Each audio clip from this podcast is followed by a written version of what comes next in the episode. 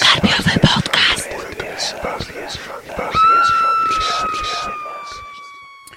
Witam Was, kochani, bardzo serdecznie w kolejnym karpiowym podcaście.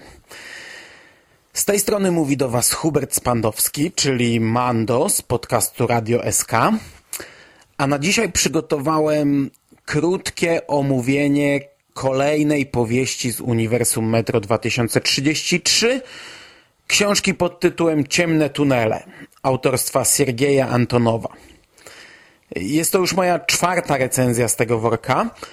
Po dwie pierwsze zapraszam na kombinat podcastowy, a ostatnią opublikowałem właśnie tutaj, właśnie w Krapiowym Podcaście. Wydawnictwo Insignis aktualnie wypuszcza kolejną część serii.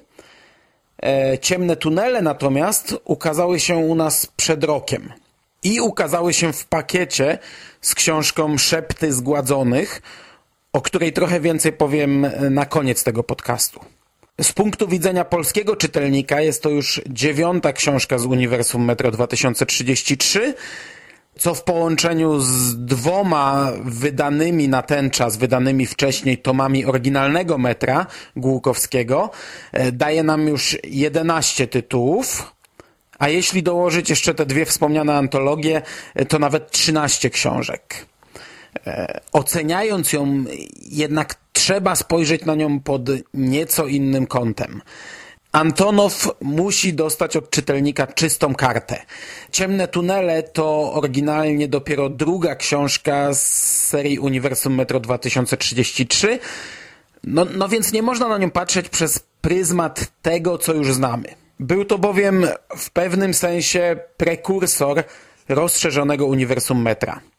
Co nie zmienia faktu, że moja opinia jakoś szalenie pozytywna nie będzie, ale o tym za chwilę. W dużym skrócie, akcja książki rozgrywa się równolegle do oryginalnego metra 2033, a miejscem akcji jest to samo moskiewskie metro, które jako miejsce akcji przyjął sobie ojciec serii Dmitrij Głukowski. Głównym bohaterem książki jest Tola, anarchista mający głowę pełną ideałów, e, które często mamy podane w postaci jego przemyśleń i przez które co rusz musimy się przedzierać, oraz głowę pełną poezji, którą recytuje w najmniej odpowiednich momentach, wywołując płacz u przysłuchujących się temu niewiast. Pewnego dnia do stacji anarchistów przybywa tajemniczy gość, który twierdzi, że na linii czerwonej kontynuowane są zapoczątkowane jeszcze w okresie II wojny światowej eksperymenty na ludziach, a komuniści bliscy są stworzenia wirusa ingerującego w strukturę ludzkiego DNA i powodującego powstawanie tak zwanych GML-i, czyli genetycznie modyfikowanych ludzi, którzy będą odporni na promieniowanie i będą mogli na nowo opanować powierzchnię Ziemi. Oczywistym jest, że kto pierwszy wejdzie w posiadanie takiego wirusa, no to ten wygra całą wojnę zapoczątkowaną 20 lat wcześniej. I ten opanuje cały świat. Jednocześnie dochodzą tutaj rozterki moralne, czy zwycięzcami w takim wypadku będzie też rasa ludzi, czy jakaś nowa rasa mutantów i tak dalej, i tak dalej, i tak dalej. Tola zostaje szefem oddziału, który ma udać się do czerwonych. Wszystko zostaje zaplanowane, akcja trwa jakąś jedną trzecią książki, po czym dostajemy pierwszy, tak naprawdę niczym nie zaskakujący twist.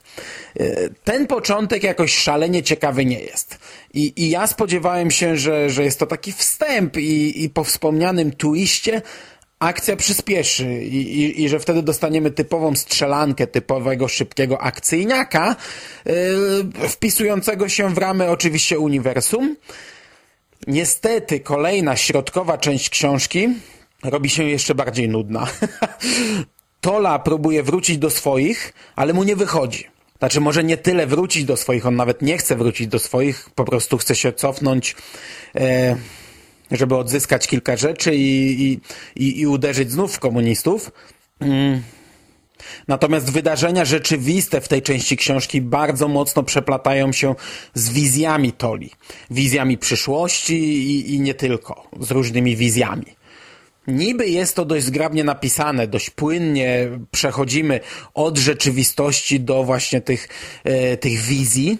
Oczywiście biorąc pod uwagę to, jak w ogóle ta książka została napisana, a szczyty literackie to nie są, ale jednocześnie ten zabieg wybija strasznie z lektury i mnie osobiście zwyczajnie męczył. Ja jestem tym typem czytelnika, który nie musi doczytać książki do końca rozdziału, by ją odłożyć. Odkładam, kiedy mam na to ochotę i zwykle nie mam problemu, by odnaleźć się w lekturze, kiedy ponownie po nią sięgam. A, a, a już szczególnie, gdy mówimy o literaturze z tej półki.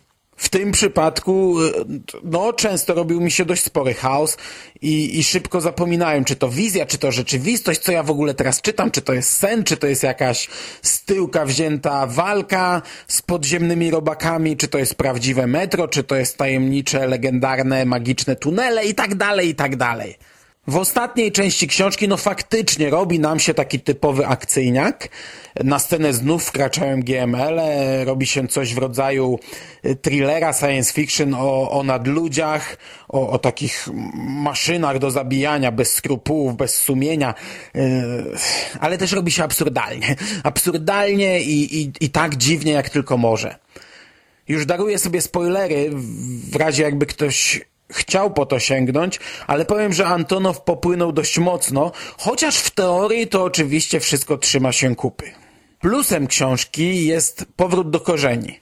Czy, czy może nie tyle powrót, no bo tak jak powiedziałem na początku, Ciemne tunele to jest książka, która w zasadzie niemal otwiera tę na chwilę obecną ponad 70-tomową serię. Z naszego punktu widzenia przyzwyczailiśmy się jednak do tego, że te książki gdzieś tam odpływają od tytułowego metra. Akcja przenosi się na powierzchnię, metro zastępują kanały, bunkry, czy też zwykłe budynki, ich piwnice. No wystarczy spojrzeć na nasze dwie polskie książki z tego uniwersum i, i żadna nie rozgrywa się w metrze. I czytając taką książkę jak Ciemne Tunele, nawet jeśli jest ona słaba, to, to przynajmniej czuć ten oryginalny klimat. I to jest fajne. Znów lądujemy w ciasnych, ciemnych, klaustrofobicznych tunelach pod ziemią miasta i to się czyta przyjemnie. Teoretycznie na plus powinienem zaliczyć bardzo stonowany wątek mutantów. E, kto słuchał moich poprzednich recenzji książek z tej serii, ten może pamięta, że ja najmniej przepadam za tą właśnie częścią. Eee, i im mniej wyeksponowany zostaje temat dziwnych stworów, tym dla mnie lepiej. Tutaj też mamy jakieś tam wydzielające żrący śluz gigantyczne ślimaki, ogromne pasikoniki, podziemne węże atakujące niczym potwory z filmów Wstrząsy. Mamy klasycznych czarnych, a także trochę horrorowych tunelowych legend jak Drożnik czy Mamuśka, ale jest tego, jest tego dużo mniej niż w wielu innych książkach. Mam wrażenie, że to mimo tego, że no, gigantyczne ślimaki e, wydzielające żrący śluz mogą brzmieć absurdalnie, to mam wrażenie, że jest tego tak naprawdę bardzo mało w tej książce. Podsumowując, jaki jest problem tej książki? No, ona jest zwyczajnie nudna. Ja nie mam większych zastrzeżeń do rozwiązań fabularnych. Ja się po prostu koszmarnie wynudziłem czytając tę powieść. A po trzech tygodniach, które upłynęły od lektury, bo skończyłem ją czytać trzy tygodnie temu, y, to ja już naprawdę bardzo niewiele pamiętam. Bardzo mało pozostało mi po niej w głowie. Y, bohaterzy są kompletnie bezbarwni i to już nawet na poziomie czytania tej książki, a po trzech tygodniach to, to są przezroczyści akcja ślimaczy się i autor sam nie wie chyba do końca, w którym kierunku chce poprowadzić naszych bohaterów, a może i kierunek zna, ale nie wie, co takiego może jeszcze dokonać, by zapełnić te oszałamiające 320 stron pomiędzy początkiem a końcem powieści. W recenzjach tej książki spotkałem się z porównaniem jej do omawianej przeze mnie w kombinacie Mruwańczy. Ja się zgadzam, że jest to literatura jakościowo z podobnej półki. Obie książki opisują akcje głównie w tunelach, no ale na tym kończy się podobieństwo tych dwóch tytułów. I ja przyznaję, że choć Mruwańcza to jest dla mnie taki trochę metrowy odpowiednik Gaia Smitha, to ponad pół roku po lekturze wspominam ją dobrze. I dużo lepiej niż ciemne tunele miesiąc po, po, po skończeniu czytania. Co więcej, posunę się do stwierdzenia, że książka Sergieja Antonowa to jest najsłabsza z dotychczas wydanych w naszym kraju powieści z uniwersum Metro 2033, przy czym zaznaczam, że nie czytałem jeszcze książki włoskiego autora, Korzenie Niebios. To jest jedyna książka, której oprócz wspomnianych antologii jeszcze w tej chwili nie czytałem. Wypada jednak zaznaczyć, że moja opinia może być ciut skrajna. O ile się dobrze orientuję, to Ciemne Tunele wygrały jakiś plebiscyt na forum fanów metra na książkę, która w pierwszej kolejności powinna ukazać się w naszym kraju. E, samo wydawnictwo Insignis też kieruje się opiniami rosyjskich czytelników, wybierając tytuły, które ukażą się w Polsce. E, przypominam, że u nas jest to dwie, a w Rosji 12 książek rocznie, no więc trzeba robić odsiew, trzeba przebierać i zbierać śmietankę. Ja nie podzielam tej pozytywnej opinii i osobiście odradzam lekturę, i z tego samego powodu, z jakiego wydawca wybiera określone tytuły, mam nadzieję, że nie ujrzymy w Polsce więcej książek Antonowa. Próbkę już dostaliśmy i, i mnie ta próbka w zupełności wystarczyła. A skoro musimy zadowolić się mniej więcej 17% rocznej oferty e, książek z tej serii, no to naprawdę nie ma sensu marnować tego na kolejne powieści na tym poziomie. Nawet jeśli część z nich kontynuuje wątki zapoczątkowane w ciemnych tunelach, bo Antonow e, napisał chyba dwie kontynuacje, jeżeli się nie mylę, tej książki, plus z tego co widziałem dwie kolejne z innej serii, no to Ciemne tunele to jest tak naprawdę zamknięty, autonomiczny twór i mnie to w zupełności wystarczy. Na koniec e, chciałbym powiedzieć kilka zdań o wspomnianym już wcześniej zbiorze opowiadań Szepty Zgładzonych, który został dołączony do Ciemnych Tuneli jako darmowy dodatek i sprzedawany w pakiecie. E, na temat zawartości tej książki ja wypowiem się innym razem, bo póki co ja jej jeszcze nie czytałem. Chociaż już teraz mogę powiedzieć, że podstawowym minusem tych antologii będą ograniczenia objętościowe opowiadań, bo troszeczkę tam sobie skubnąłem e, to i owo. Nie wiem, czy zrobię kiedyś jeden zbiorczy podcast na temat wszystkich zbiorów, czy może o każdym z osobna pff, pomyślę. Zobaczymy, czy będę miał coś więcej do powiedzenia o każdej książce oddzielnie. E, tak czy inaczej, tradycja została zapoczątkowana rok wcześniej, kiedy to laureaci konkursu na opowiadanie fanów znaleźli się w zbiorze w blasku ognia, wydanym w postaci darmowego e-booka. On tam pobił jakieś gigantyczne rekordy ściągnięć i dlatego y, rok później wydawca poszedł o krok dalej i Szepty Zgładzonych nie tylko ukazały się jako darmowy e-book, ale książka wyszła też drukiem w normalnym nakładzie, y, tak samo dużym jak nakład Ciemnych Tuneli. I to jest absolutna rewelacja. O zawartości, tak jak powiedziałem, póki co się nie wypowiem, ale sam projekt, no, czapki z głów.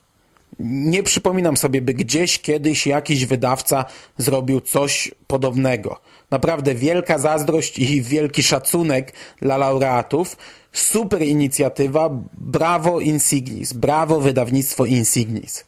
Natomiast już 2 marca ukaże się albo ukazała się, w zależności od tego, kiedy słuchacie tej audycji, kolejna książka z uniwersum pod tytułem Prawo do użycia siły i do niej także zostanie dołączony kolejny taki zbiór pod tytułem Echo z zgasłego świata, w którym oprócz opowiadań amatorów znajdzie się też tekst Pawła Majki, autora pierwszej polskiej książki z Uniwersum Metro 2033, Dzielnicy Obiecanej. I, I ja myślę, że to będzie naprawdę dobry moment, by wreszcie nadrobić zaległości i hurtem łyknąć te wszystkie trzy książki. Natomiast na dzisiaj ode mnie to już wszystko. Do usłyszenia, kochani. Cześć.